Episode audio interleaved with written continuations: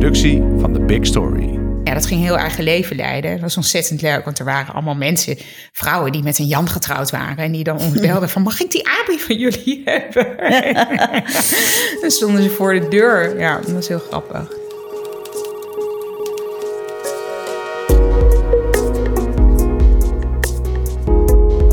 Dit is Komt een blad bij de dokter, de podcast van bladerdokter.nl over media-innovatie.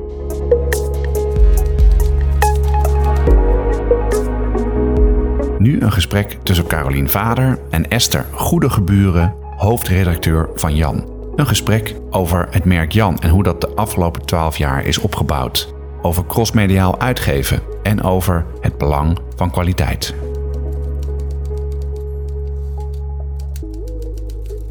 Esther, welkom.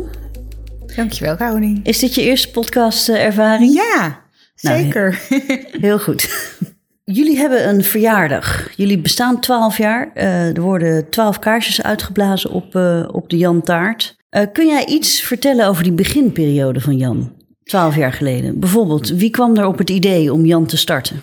Nou, het was zo dat Marina Net Schaapman, dat is de founder van Jan. Zij had heel veel behoefte om een blad te maken wat er nog niet was. En daar zocht ze een klein clubje mensen voor. En ik was een van de eerste die ze vroeg. Ontzettende leuke tijd waar ik met heel, heel erg veel plezier aan terugdenk. Het was echt pionieren. We zaten, eh, wat toen nog een anti-kraakruimte was op de Keizersgracht. Een schitterende locatie.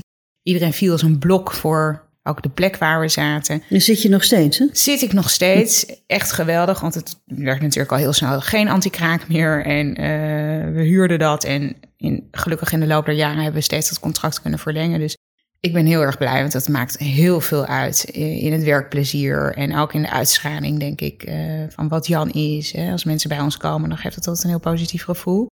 Maar uh, nou ja, zij had heel duidelijk in haar hoofd dat ze uh, een blad wilde maken voor een volwassen Nederlandse vrouw. Een blad wat heel dichtbij je stond, maar wat wel een heel, heel rijke, mooie uitstraling had. Echt een internationale uitstraling in beeld.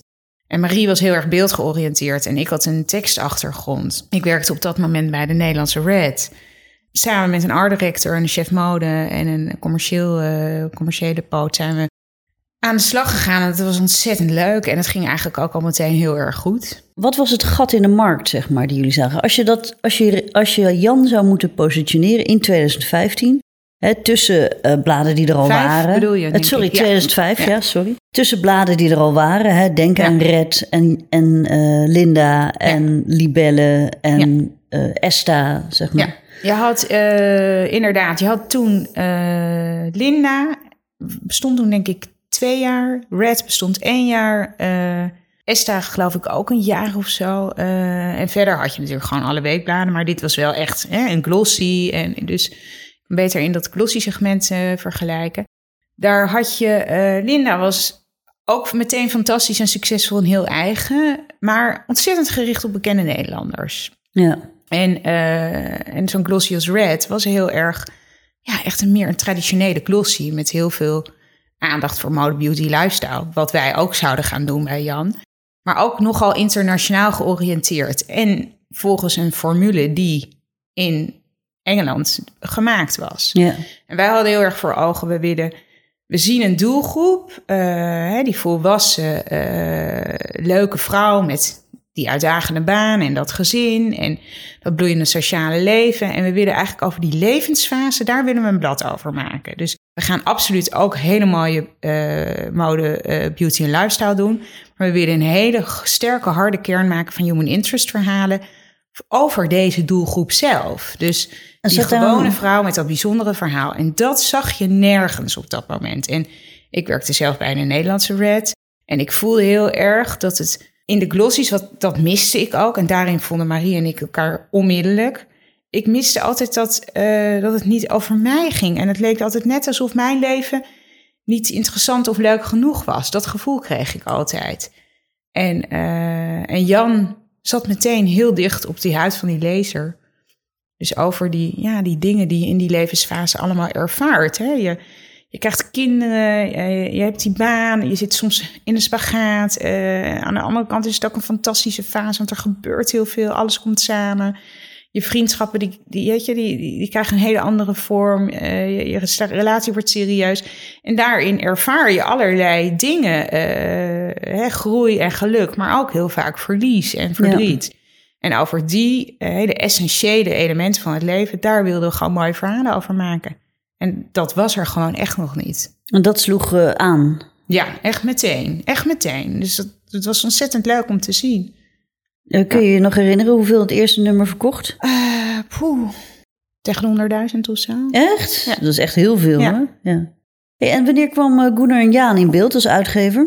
In 2008. Oké. Okay. Dus we waren... Marie was de founder, die had TTG als aandeelhouder. Die aandelen werden op een gegeven moment verkocht aan GNJ en uiteindelijk is het geleidelijk helemaal onderdeel van de uitgeverij geworden. Ja, dus jullie begonnen echt als pioniers helemaal zelfstandig. Ja, het, Was, het voelde ook heel erg als een, een, een eigen clubje mensen. We stonden echt met onze poten in de modder. Het was dan super spannend. En dat was ook de magie ervan. Want als je werkt voor iemand die, wiens eigen bedrijf het is, dan voel je heel sterk dat commitment ook aan. Hè, het moet een succes worden. En iedere advertentiepagina die verkocht is, weet je, daar deden we de wave voor. Dat was in die tijd iets dat was niet vanzelfsprekend. Weet je, je had altijd op redacties een spanningsveld tussen marketing en sales. En uh, redactie aan de andere kant. Maar wij voelden van we zijn één, we zijn één team en we, uh, we moeten gezond worden en we, we willen door, we willen overleven, we willen gewoon groot en succesvol worden. Dus we hadden meteen al zo'n groepsgevoel van alles hoort bij elkaar. Hè. Uh, redactioneel moet het heel sterk en heel uh, aanklassen zijn. Maar we moeten ook gewoon die adverteerder aan ons weten te binden. En we moeten ook de markt zien te veroveren. Dus dat, weet je, of je nou vormgever was of sales manager, je voelde allemaal datzelfde commitment. En dat had ik nog nooit eerder ergens anders ervaren. Ja. Dus een soort magie in het team. Ja, dat was fantastisch. En het leuke is dat dat eigenlijk altijd is gebleven. En dat komt denk ik dan ook weer door die locatie. Omdat je zo op, in je bubbel zit, hè, op een eilandje, op de gracht daar. Uh, het is zo in ons DNA opgeslagen. Want inmiddels ben ik eigenlijk een van de ja, misschien wel de enige uit die tijd die nog over is. Dat team is natuurlijk steeds ja, langzamerhand ververs. Uh, maar dat gevoel en die overtuiging en die, weet je, dat, dat vereende gevoel, dat is er nog steeds. Hoe hebben jullie uh, Jan aan de markt gebracht? Want er is, ik kan me niet herinneren dat er heel erg veel uh, marketinginspanning is geweest. Hè? Want ik, ik, ik weet nog wel, toen Linda kwam, uh, toen waren er ook abris en, en uh, nou, nog net geen tv-reclame. Maar dat werd zo ontzettend pittig in de markt gezet. Ja. ja. wij hadden ook abris hoor. We hadden, we hadden een heel ander marketingbudget, denk ik, dan Linda of dan een Vogue of dan bijvoorbeeld NC nu. Hm. Hè? Dat is ja, ook natuurlijk, omdat je gewoon een eigen bedrijf, het is een eigen bedrijf. Dus alles wordt heel wel overwogen. Waar is het nou echt zinvol om mijn geld aan uit te geven? En Marie was altijd iemand die heel sterk gelooft en ik heb dat helemaal omarmd.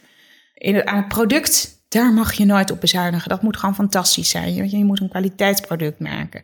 Maar al die andere kosten, een heel groot event of zo, als het niks gaat opleveren, ja, dat is zonde van je geld. Dus marketing was altijd wel een hele weloverwogen keuze. Maar we hebben die, uh, zeker in die beginperiode, fantastische Abri-campagnes. Want we hadden, uh, we hadden een naam Jan. En uh, daar hadden we zelf van bedacht. Van, dat, daar kan je heel goed mee spelen. Dus we hadden Word verliefd op, op, word verliefd op Jan. Jan houdt van je. Jan wacht op je. in bed met Jan. In bad met Jan. En nou ja, dat ging heel eigen leven leiden. Dat was ontzettend leuk, want er waren allemaal mensen, vrouwen die met een Jan getrouwd waren. En die dan ons belden van, mag ik die Abi van jullie hebben?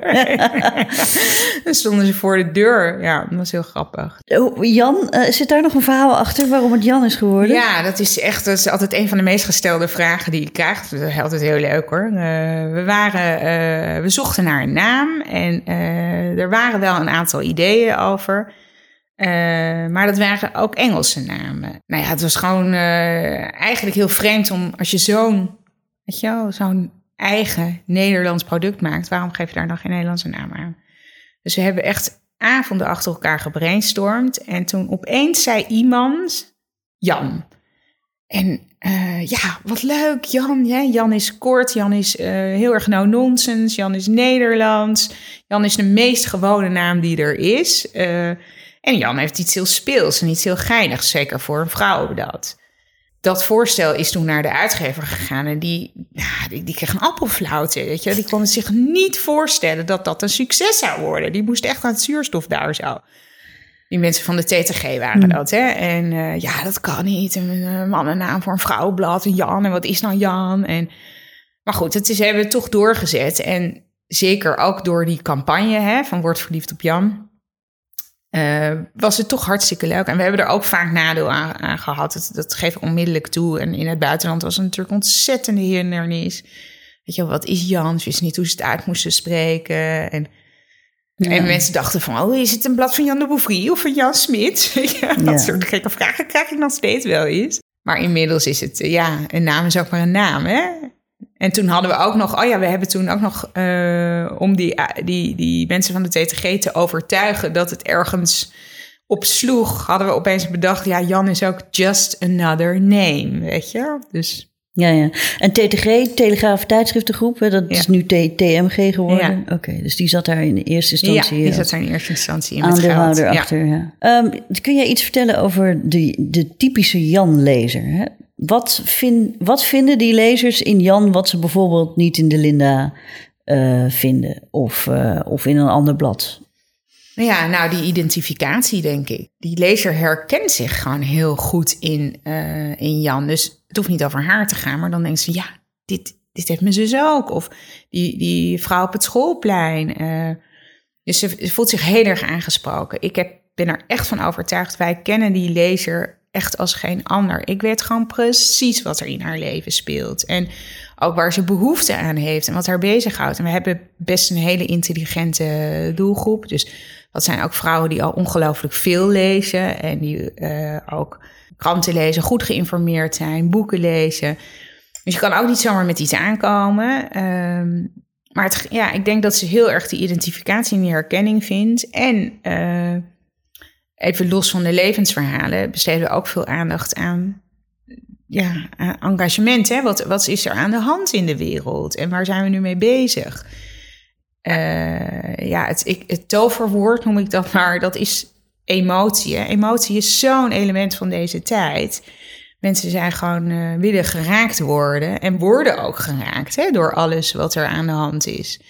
Wij verkopen emotie, dat is precies wat Jan doet. Dus door, we zeggen nu, hè, Jan is de glossie die je raakt.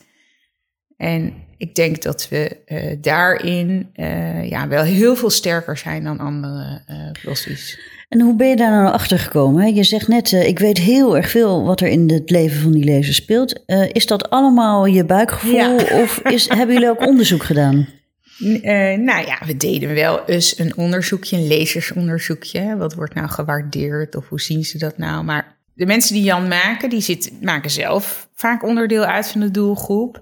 En dat zijn gewoon uh, goed geïnformeerde, intelligente vrouwen. En je moet gewoon aanstaan. Hè? Je moet gewoon uh, voelsprieten hebben voor wat gebeurt er nu in, in jouw eigen kring. Maar wat gebeurt er in Nederland? Wat gebeurt er uh, op... Waar hebben mensen het over op een schoolplein? Of wat zijn nu de topics? Nou, lukt het jullie toch prima, want we gaan het zo even over de cijfers hebben, maar het lukt jullie toch prima om steeds weer die nieuwe lezer te vinden? Is het dan zo dat je op een gegeven moment in een Jan groeit, hè, op het moment dat, dat je... Dat denk ik wel. Jan, je bedoelt dat die leeftijd een beetje is opgerekt. Bedoel je nou, dat? ja, nee, kijk... Oh. Uh, er is natuurlijk een jongere doelgroep die, uh, die ontleest. Hè? Die, ja. die stapt weg van papier. Maar uh, jullie zijn een van de weinige bladen die die hele grote oplagedaling van de afgelopen jaren het hoofd heeft weten te bieden. Ja, nou sterker nog, we hebben, zijn alleen maar gegroeid in die periode. Dus we hebben misschien wel profijt gehad van de crisis in de media. Dus er moeten natuurlijk maar een paar overblijven. En wij horen daarbij. Uh, en ik heb ook, ik, ik geloof helemaal niet zo in ontlezing hoor. Ik ervaar dat natuurlijk ook niet zo. En uh, ik zie nog steeds ook heel veel, ook heel veel jongeren lezen. Alleen lezen ze niet meer alles. Ze maken gewoon hele kritische keuzes. Wat heel goed is, denk ik. Want laten we eerlijk zijn, dat schap was gewoon veel en veel te vol. En er werd veel te veel gemaakt. Wat misschien wel helemaal niet gemaakt hoefde te worden. Weet je? Ja, je moet wel iets, iets maken waar behoefte aan is. En wat gewoon goed is, wat mooi is, wat waardevol is. Uh, waar je 5,95 voor wil betalen. Dus kwaliteit is natuurlijk een enorm eh, ja, een, een heel belangrijk onderdeel van het bladen maken. Daar ben ik echt van overtuigd. Want als je, anders concurreer je inderdaad veel te veel met internet. Weet je? die dingen, hapsnap dingen, die kan je overal vinden. Heb je geen geld voor te betalen. Dus ja, eh, ik zie dat toch ook nog jonge mensen die houden ook van mooie fotografie, van goede verhalen.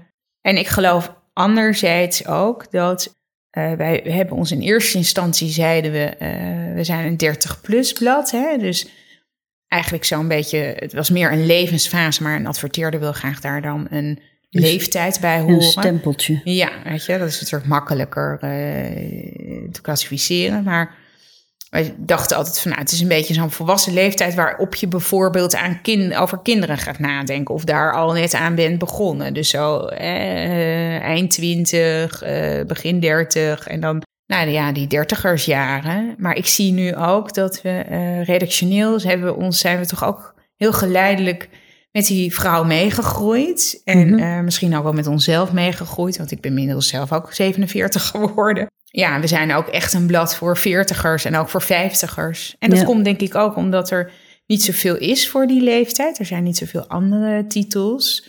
Ja, dan val je eigenlijk in, behoeften. dan val je eigenlijk in een gat. Hè? Want de, de, libellen en de margriet in deze wereld, dat is echt 60 plus. Ja, ik weet niet of zij dat zelf zou zien, maar het is ook gewoon heel anders, Caroline. Weet je, en die Ben en Margriet, ze hebben gewoon misschien ook wel die dertigers, maar dat zijn toch andere vrouwen dan... En wij zijn een glossy, dus wij hebben ook onze, onze uitstraling is veel meer high-end. Ook onze mode, onze reizen, eh, de doelgroep van Jan is gebleken toch een behoorlijk welstandige vrouw. En Ja. die wil ook geïnformeerd worden over dingen die net even iets aan de bovenkant zitten. En ook haar, ik denk haar denkniveau of waar ze mee bezig is, is eh, het is dichtbij, maar het is wel eh, slim en doordacht. En eh, ja, het gaat wel ergens over. Oplages.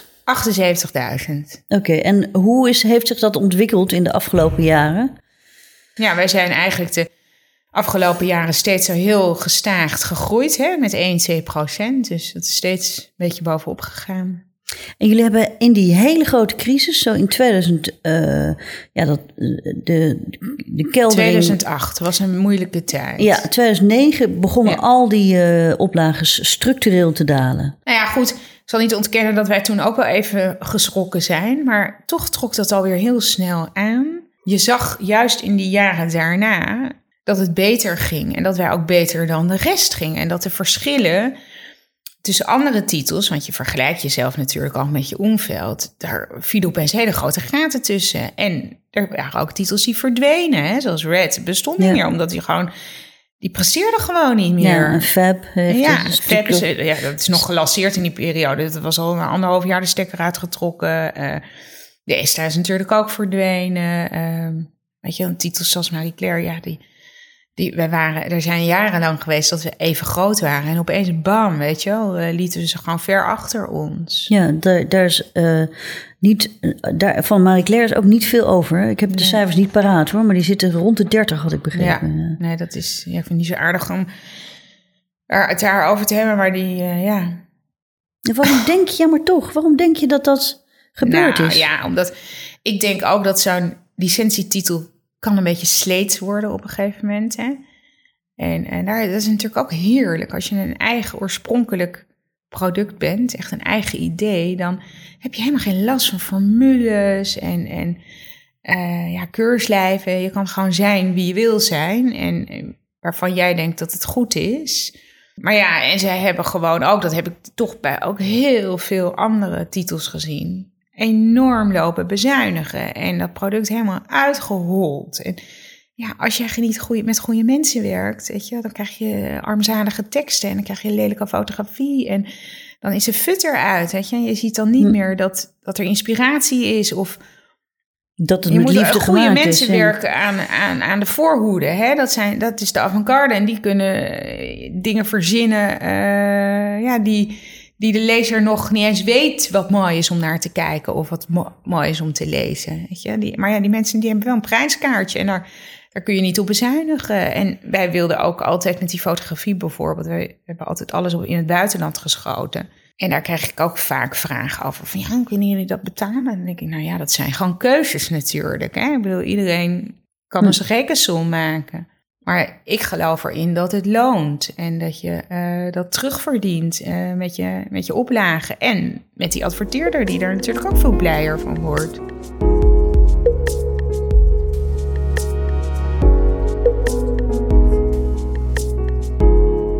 En online, hoe zijn de cijfers on- online? Nou ja, online is ontzettend leuk, want we zijn eigenlijk vrij jong hè, online. We zijn pas in 2011 online gegaan. En we zitten nu op eh 320.000 uniek en op eh 728.000 pageviews. Eh Facebook doet 37.000 en Insta eh, ruim 20k. Dus nou Ja, ja, en Instagram is voor jullie nog re- relatief... heel jong. Ja, heel Echt heel jong. jong. Nee, het is wat ik zeg. We zijn pas in 2011 werd ik hoofdredacteur. En ik bedoel, ik zeg niet dat het allemaal eh, mijn verdienste is hoor. Maar tot die tijd hadden we gewoon geen, geen online. Dus we hadden een startpagina. Vond ik wel een hele verantwoorde hoor. eh, eh, financiële overweging. Er was nog geen enkele belofte dat je geld kon gaan verdienen aan online. Dus de overweging was steeds geweest. we investeren in datgene waarvan we weten. Hier verdienen we nog steeds eh, goed aan en hier stoppen we ons geld in. Ik moet ook nog steeds zeggen, ook met deze cijfers is het ook zo dat eh, het merk Jan, wat inmiddels ook heel groot is geworden, maar dat drijft op print. Weet je, daar zit gewoon de grote inkomsten. Maar goed, eh, ja, je- merkten toch eh, dat de adverteerders eh, behoefte kregen om dingen online door te vertalen. En het stond gewoon een beetje armzalig. En het werd ook wel eh, gewoon gênant. Dus eh, we wilden online, maar we hadden geen geld en we hadden geen budget ervoor. En we konden het ook niet zomaar eh, aanvragen bij de uitgever, dat budget. Dus we zijn toen zelf met echt op zijn houtje touwtjes. de man van een van ons, die, die bouwde een blogsite voor ons voor 100 euro of zo. En daar, toen daar zijn we mee begonnen en we hadden niemand Ja. daarvoor in dienst. En we gingen onze eigen stukjes schrijven en echt iedereen. Dus ik ging stukjes schrijven en eh, de modemeisjes gingen stukjes schrijven. Iedereen die deed gewoon maar wat.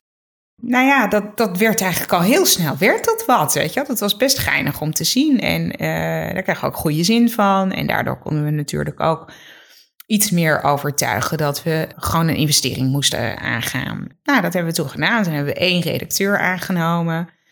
En toen hebben we jou uitgenodigd. Dus heb jij ons wat lesjes gegeven. en zo hebben we zo stapje voor stapje. En inmiddels eh, zitten we dus op die eh 728.000 pages. En dat is allemaal fantastisch. Maar ook echt met heel weinig middelen en heel weinig mensen nog steeds. Want er zitten maar twee mensen op online. En daar Ja. doen we het dan mee. Eigenlijk anderhalf. Ik ben daar heel trots op. Nou, heel goed. Dat je gewoon met zo weinig zoveel kunt bereiken. Ja, dat is voor mij heel bevestigend. Dat wat Jan is en wat Jan doet, dat dat, eh, dat slaat gewoon aan. Dat heeft echt een betekenis. Ja, maar het is natuurlijk ook heel goed voor de, eh, het aanwezig zijn en het aandacht vragen. En de band met je lezer die ook in de trein zit eh, op, zijn, op haar mobiel. Ja, ik vind geval. wel dat je toch ziet dat het ook andere... Er zitten andere mensen op dan je echte lezer. Ik vind het echt wel een heel groot verschil. Ja? Maar, ja. maar het is natuurlijk hard en het hoort erbij. En het is ook hartstikke leuk. En eh, het kan heel goed naast elkaar bestaan. Maar ja, weet je, ook hier, dat wil ik toch nog even zeggen. Daar ben ik zo ontzettend trots op. Dat Jan heeft altijd alles op eigen kracht gedaan. Hè? Ik bedoel, de afgelopen twaalf jaar, we hadden geen internationale form- formule of een hele grote uitgever achter ons staan uit het buitenland of een, weet je wel, een, een proven concept. Dat was het allemaal niet. Het is allemaal zelf bedacht en uitgevonden en door heel veel commitment en heel veel liefde wordt gewoon door ontzettende leuke vrouwen gemaakt. Nou zijn jullie eh, flink aan de weg aan het timmeren om dat merk uit te breiden. Hè? Eh, de- Ja. Een beetje weg, zeg maar, dat, eh, de, de basis Jan, zeg maar, Ja. eh, één keer in de maand in de bus. Dat blijft natuurlijk bestaan, maar eh, eh, Jan Living, eh, de Jantje. Ja, vakantie Jan. Ja, we zijn. eh en de vakantie Jan was het eerste wat we hebben gedaan op het uitbreidingsvlak. We zagen dat het zo goed ging met Jan. En eh, we hadden eigenlijk zoveel ideeën. We dachten, kom, laten we gewoon iets naast er gaan, daarnaast gaan maken. En dat is die vakantie Jan geworden. Nou, dat was meteen bam, een ontzettend succes.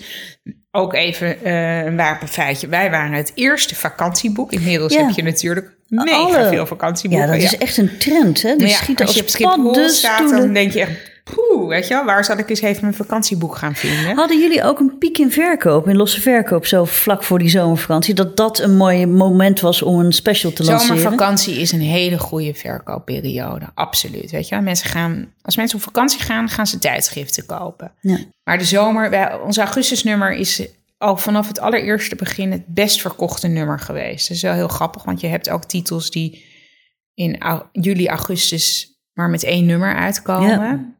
Dat heeft weer met advertenties te maken, maar wij hebben dat expres nooit gedaan, omdat augustus, dat ging altijd juist hartstikke lekker. Dus eh, nou ja, we voelden dat daar wel ruimte was. En toen zijn we eh, die vakantie aan bedacht. Hè? En, eh, een extra eh, dikke in een ander formaat, op ander papier. ehm.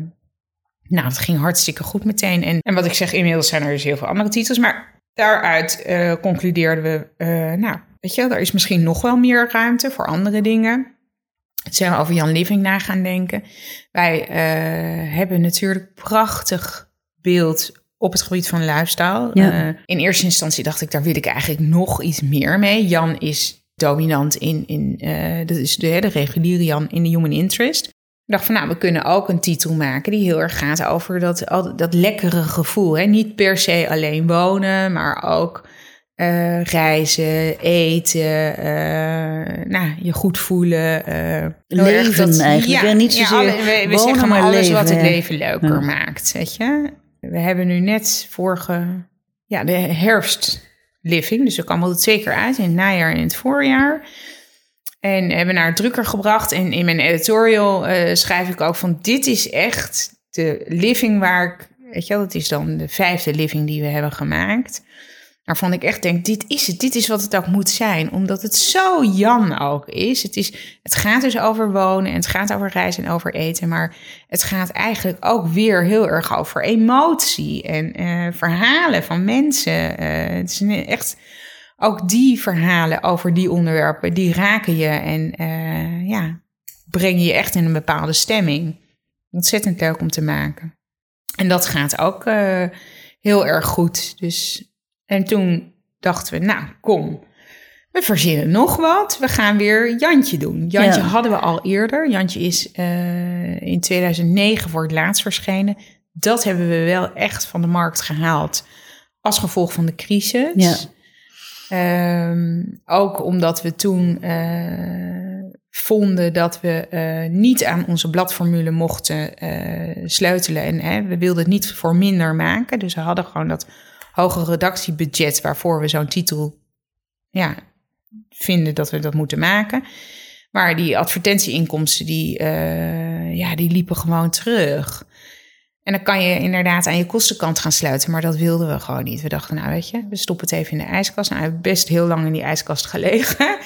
En eh, ja, we hebben Jantje gelanceerd. En ja, hartstikke leuk, weet je. En ik, het wordt ook heel positief ontvangen. En ook als ik de reacties zie, eh, denk ik, ja, mensen hebben gewoon behoefte aan, aan, aan datgene waar Jan voor staat, hè? aan kwaliteit. Dus er zijn natuurlijk wel andere mama-bladen, maar dat segment is trouwens heel erg eh, in zwaar weer zit dat. Ja, maar dat, dat was ook. eh, er waren dus dertien verschillende mama-titels. Hè?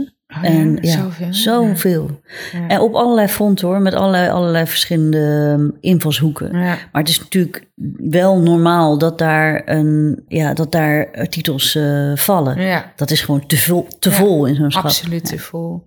Absoluut te vol. En ook daarin vond ik, en vind ik eerlijk gezegd nog steeds, miste ik wel echt kwaliteit. Ja. Ik vond er echt niet één tussen zitten waarvan ik dacht, oh wow, dat is mooi eh, gedaan. Een goede fotografie, inspirerend, weet je wel. Echt een ander niveau.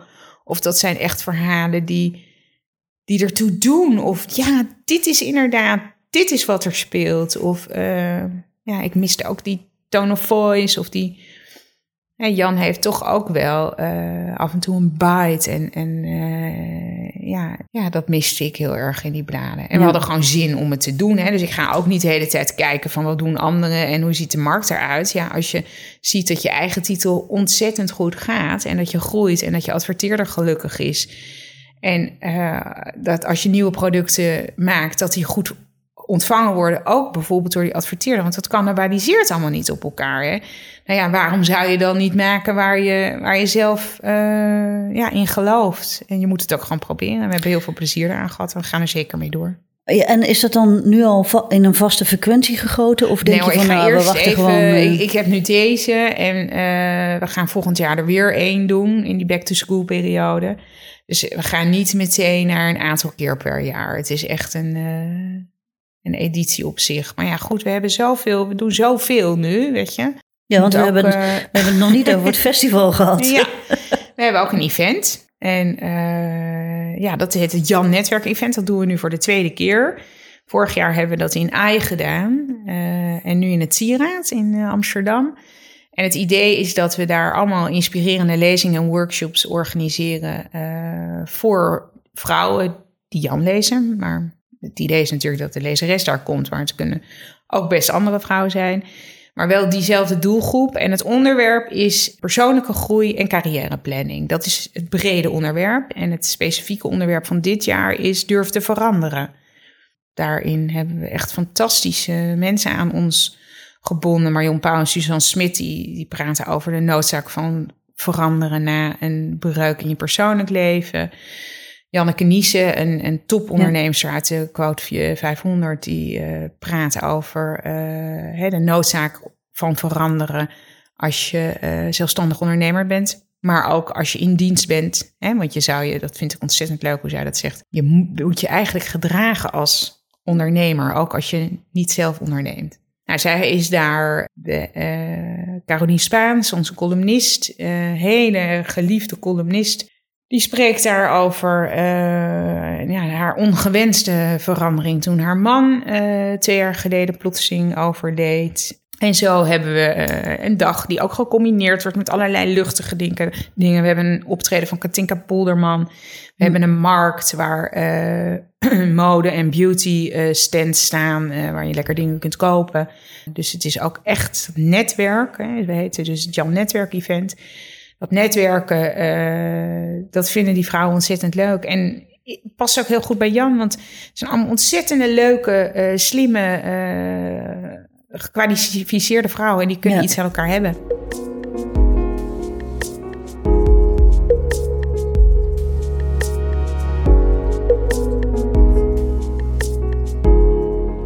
Jan bestaat twaalf jaar. Hè? Nou, um, is Jan in die twaalf jaar ook heel erg veranderd. Hè? Van uh, één blad naar een crossmediaal uh, platform. Uh, is jouw wer werk ook heel erg veranderd als hoofdredacteur? Ja, heel erg, vind ik. ik. Nou, dat vind ik ook ontzettend leuk aan het hoofdredacteur zijn. je, bent heel, je hebt eigenlijk drie banen in één. Hè? Je bent dus creatief, je, je maakt een product en je je verzint daar allerlei creatieve input voor. Maar je bent ook uh, uh, een manager van het geheel. Want hè, wat ik net eigenlijk al zei, we hebben redactie, marketing en sales. Dat zit allemaal bij elkaar op die keizersgracht. En dat moet allemaal goed met elkaar samenwerken. En daar ben ik natuurlijk verantwoordelijk voor. En uh, ja, ik ben natuurlijk ook heel financieel gedreven. Ik voel mezelf echt, ik ben niet de eigenaar van Jan. Ik ben dus ook geen zelfstandig ondernemer, maar ik ben dus helemaal wat Janneke Niesen zegt dat je moet zijn. Ik, ik gedraag me echt als een ondernemer. Ik vind het ontzettend leuk om die. Nou ja, goed. Het resultaat, het financieel resultaat, dat is mijn opdracht. En ik vind dat heel erg leuk. Ik denk niet van ik maak gewoon een goed blaadje of ik maak meerdere goede blaadjes. Nee, ik wil gewoon dat het merk Jan, dat dat rendabel is, dat dat succesvol is, dat er veel geld verdiend wordt. Dat geeft mij een enorme kick. Maar dat zijn natuurlijk wel drie uh, elementen in één baan die je niet zo vaak verenigd ziet. En waarvan sommigen denken, ja, dat moet toch op gespannen voet met elkaar staan. Maar dat is wel, uh, uh, denk ik, een, een noodzakelijke verandering die deze baan heeft moeten ondergaan. En dat zie ik ook bij collega's natuurlijk. En dat maakt het voor mij ook heel dynamisch en heel uitdagend. Hey, en een vierde element, hè, dat je ook als stratege een soort stip op de horizon moet zetten waar je het hele schip naartoe koerst. Nee, natuurlijk. Ja, dat is, weet je wel. Ja, ik zou dat niet eens als een los onderdeel zien, maar als je dat zo wil zien, natuurlijk. Dat is ontzettend belangrijk. Je moet heel erg voor ogen hebben. Hè, wat, wat, wat gaan we doen en waar gaan we naartoe? En, en wat gaat goed en uh, Nou, waar waar, gaat- kunnen we sterker in worden? Waar gaat Jan naartoe? Als jij vrij mag eh, associëren, hè, de, je hebt nu twaalf jaar achter de kiezen, nog twaalf jaar vooruit. Waar, waar gaat Jan heen? Ja, ik denk dat Jan, zoals wij nu gaan, dat dat gewoon goed is. Weet je, je maakt sterke printproducten, je verzin, je kijkt iedere keer waar je dat merk op een andere manier kunt vertalen. En eh, je verzint eh, events waar, eh, over onderwerpen die ertoe doen in, in de lezersgroep en in de samenleving. En je probeert dat wel. Kijk, voor mij is altijd het uitgangspunt kun je hier ook goed geld aan verdienen. Weet je, dat vind ik echt heel belangrijk. Ook in het, het koersen van het schip. Hè? Als alle dingen moeten naast elkaar bestaan. Ook die, eh, die poten die misschien wat minder rendabel zijn. Omdat die nou eenmaal horen bij dat bouwwerk. Maar ik denk wel dat het heel erg verstandig is om goed te blijven overwegen. Hè? Wat, waarin sturen we bij en eh, waar leggen we ons accent op? En zoals het nu gaat, gaat het gewoon heel goed. En ik kan me niet voorstellen dat dit eh, niet meer zou bestaan. Of dat hier geen behoefte meer aan is. Nee. En we maken bijvoorbeeld ook, we hebben ook de afgelopen jaren steeds andere. Hè, we hebben bijvoorbeeld een hele mooie Jan Agenda gemaakt. We hebben een Jan Weekplanner gemaakt. Die ligt nu voor het eerst in de winkel. Dus we doen ook dit soort dingetjes. Weet je, je, je ontwikkelt producten. Je kunt eigenlijk een soort merk worden. We hebben nu voor het eerst, en daar zijn we ontzettend blij mee. ehm, online hebben we een shop, een eigen shop.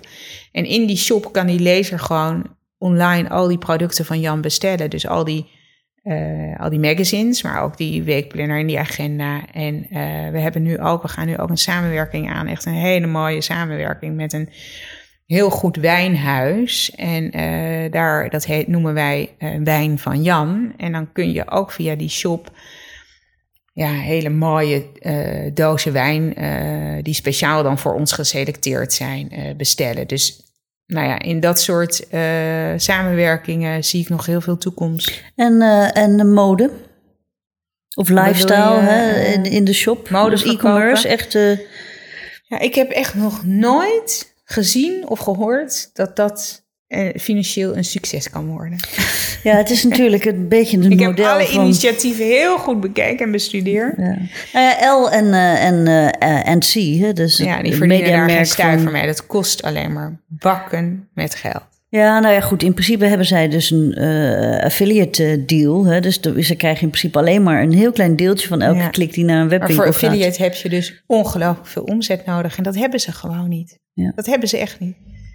Ja, dat weet ik dan weer niet. Nee, het bestaat nog niet, Caroline. Het bestaat niet. Er is gewoon niemand die... Je hebt gewoon zoveel volume dan nodig. Ja. We hebben daar natuurlijk ook naar gekeken. Iedereen denkt en kijkt naar dezelfde dingen. Maar die investeringen die je daarvoor mo- moet maken zijn heel diep. En de verwachting, als je dat heel goed doorrekent, is de verwachting dat je, je gaat dat volume niet halen. Dat is Ja. onmogelijk. Dus dan kan je beter al je pijlen zetten op de dingen waarvan je weet, als ik dat doe, dan dat werkt gewoon. En daar ligt ook onze core business. Daar zijn we goed in. Ja. Ik vind dus in eh zo'n hoofdredacteur ben ik. Ik wil niet zomaar alles doen omdat dat eventjes leuk of aan de hand is. Of eh, waarvan mensen denken: oh ja, we moeten dit, we moeten dat. Nee, ik wil daar gewoon heel met common sense over nadenken. Ik wil dat doorrekenen. Ik wil dat. Het moet wel kloppen. Ja. Anders vind ik het zonde. Dan ga ik niet eh, met mensen die er ook helemaal nul verstand van hebben, hè, laten we wel zijn, daar in, die, in die richting duwen. En Maar- ik kan ook niet veroorloven om daar mensen voor aan te nemen. Want dat, dat Nee, geld heb goed, je gewoon dat snap niet. ik. Maar nou, nou ben jij dus, wa- wat ik dan hoor is, dat is toch een soort behoudendheid hè? of voorzichtigheid. Nee. Maar goed, dan ga je, Het dan is, heb je geen, dus- het is niet behoudendheid. Dat is gewoon heel goed nagedacht over waar ben je mee bezig. En wat Want je hebt er wel twaalf jaar lang eh, de, de, eh, het hoofd mee boven water Ja, gehouden. nou ja, sterker nog, het is beter gegaan dan ooit de afgelopen jaren. Ja. Dus, Dus- dus dat is misschien toch ook wel leuk. En dat is ook het enige wat uiteindelijk telt, Caroline. Het enige wat telt is dat je uitgever blij is dat jij onderaan de streep dikke, dikke vette cijfers hebt staan. Want wat ben je nou voor hoofdredacteur als je een titel hebt die alleen maar verlies draait omdat je, weet je wel, dingen aan, bent aangegaan die, die gewoon geen trol opleveren? ja. En eh, is dat nou jouw advies ook voor andere hoofdredacteuren? Ja, ik denk dat je echt, je moet je verdiepen in, in, in, die, in die financiële, commerciële kant. Daar moet je over nadenken. En Dat nooit... zou je, als het je eigen business was, zou je dat ook Ja. doen. Dat is waar. Snap je? Weet je, je kunt niet geld uitgeven wat in principe niet van, ja, dat vind ik gewoon heel niet oké. Ja. En nooit bezuinigen op kwaliteit. Nee, absoluut niet. Gewoon hele goede, mooie, sterke dingen blijven maken. Hm. Maar je wilt toch geen, je wilt gewoon niet iets lelijks maken. Dat zou ook mijn eergevoel, weet je, mijn blademakersgevoel te na zijn. Ik ben zelf ook iemand, ik lees ontzettend graag. Ik lees heel veel. Eh, ik wil iets goeds lezen. Je, je kunt iemand niet zomaar iets aansmeren. En ik wil naar mooie dingen kijken. En daar heb ik gewoon heel graag geld voor over. Maar het moet wel, it better be good. Weet je, ik ben niet gek. En dat is ook in jouw ogen de toekomst van media en zeker magazine media. Dat de, de goede, die, die gaan het redden. Zeker. En de meuk, die... eh, De goeie gaan het redden, echt waar. En, het, en dat zijn er niet veel, denk ik. Maar er wordt gewoon veel te makkelijk gedacht over, over dit vak of over werken in dit vak ook. Ik was laatst op school van journalistiek, had gastlezing gegeven. Nou, ik ben mijn hoedje geschrokken. ja, Wat daar dan zit in die collegebanken. denk ik, jongens, stop er gewoon mee. Gaan we het anders doen. Jullie gaan het sowieso niet redden in die wereld waar heel weinig werk is. Ja. Dus werk is alleen voor de allerbeste, voor de meest gedreven mensen. Er zitten studenten, Caroline, die lezen gewoon niet. Hm. Ja, what, what are you doing? Weet je, de journalistiek als je zelf niet leest. Ja, ja, ja ik, heb daar, ik, ik gaf daar ook les. En ehm, dat ging dus over. ehm, eh, in een ochtend moesten ze dan een crossmediaal eh, conceptje bedenken. Eh, en ik had er allerlei voorbeelden. En dan had ik een voorbeeld van BuzzFeed. En dan zei ik: Jongens, wie kent BuzzFeed? En dan waren er dertig eh, studenten. Nou, dan staken er misschien vier hun vinger op. Ja, dat en is denk ik: ongelooflijk. Oeh, weet je, dat, ja, dat is nu zo'n grote speler. Vond ik ook wel. ik vind het ongelooflijk dat je in een wereld kunt werken of wil gaan werken waar je niet over geïnformeerd bent. Ja. dat heeft gewoon te maken met een bepaalde eh, liefde en investering die je wilt doen om eh, in, deze, in deze tak van sport eh, te zitten. En dat geldt ook voor de huidige bladenmakers en de huidige uitgevers. Weet je? je moet echt voor kwaliteit gaan. ja. Nou ja, het hoeft niet van mij, want dan ga je, weet je, dan blijven we lekker met een kleiner clubje over. ja. Eh, Esther, ik wil je heel erg bedanken voor dit gesprek. Nou, graag gedaan.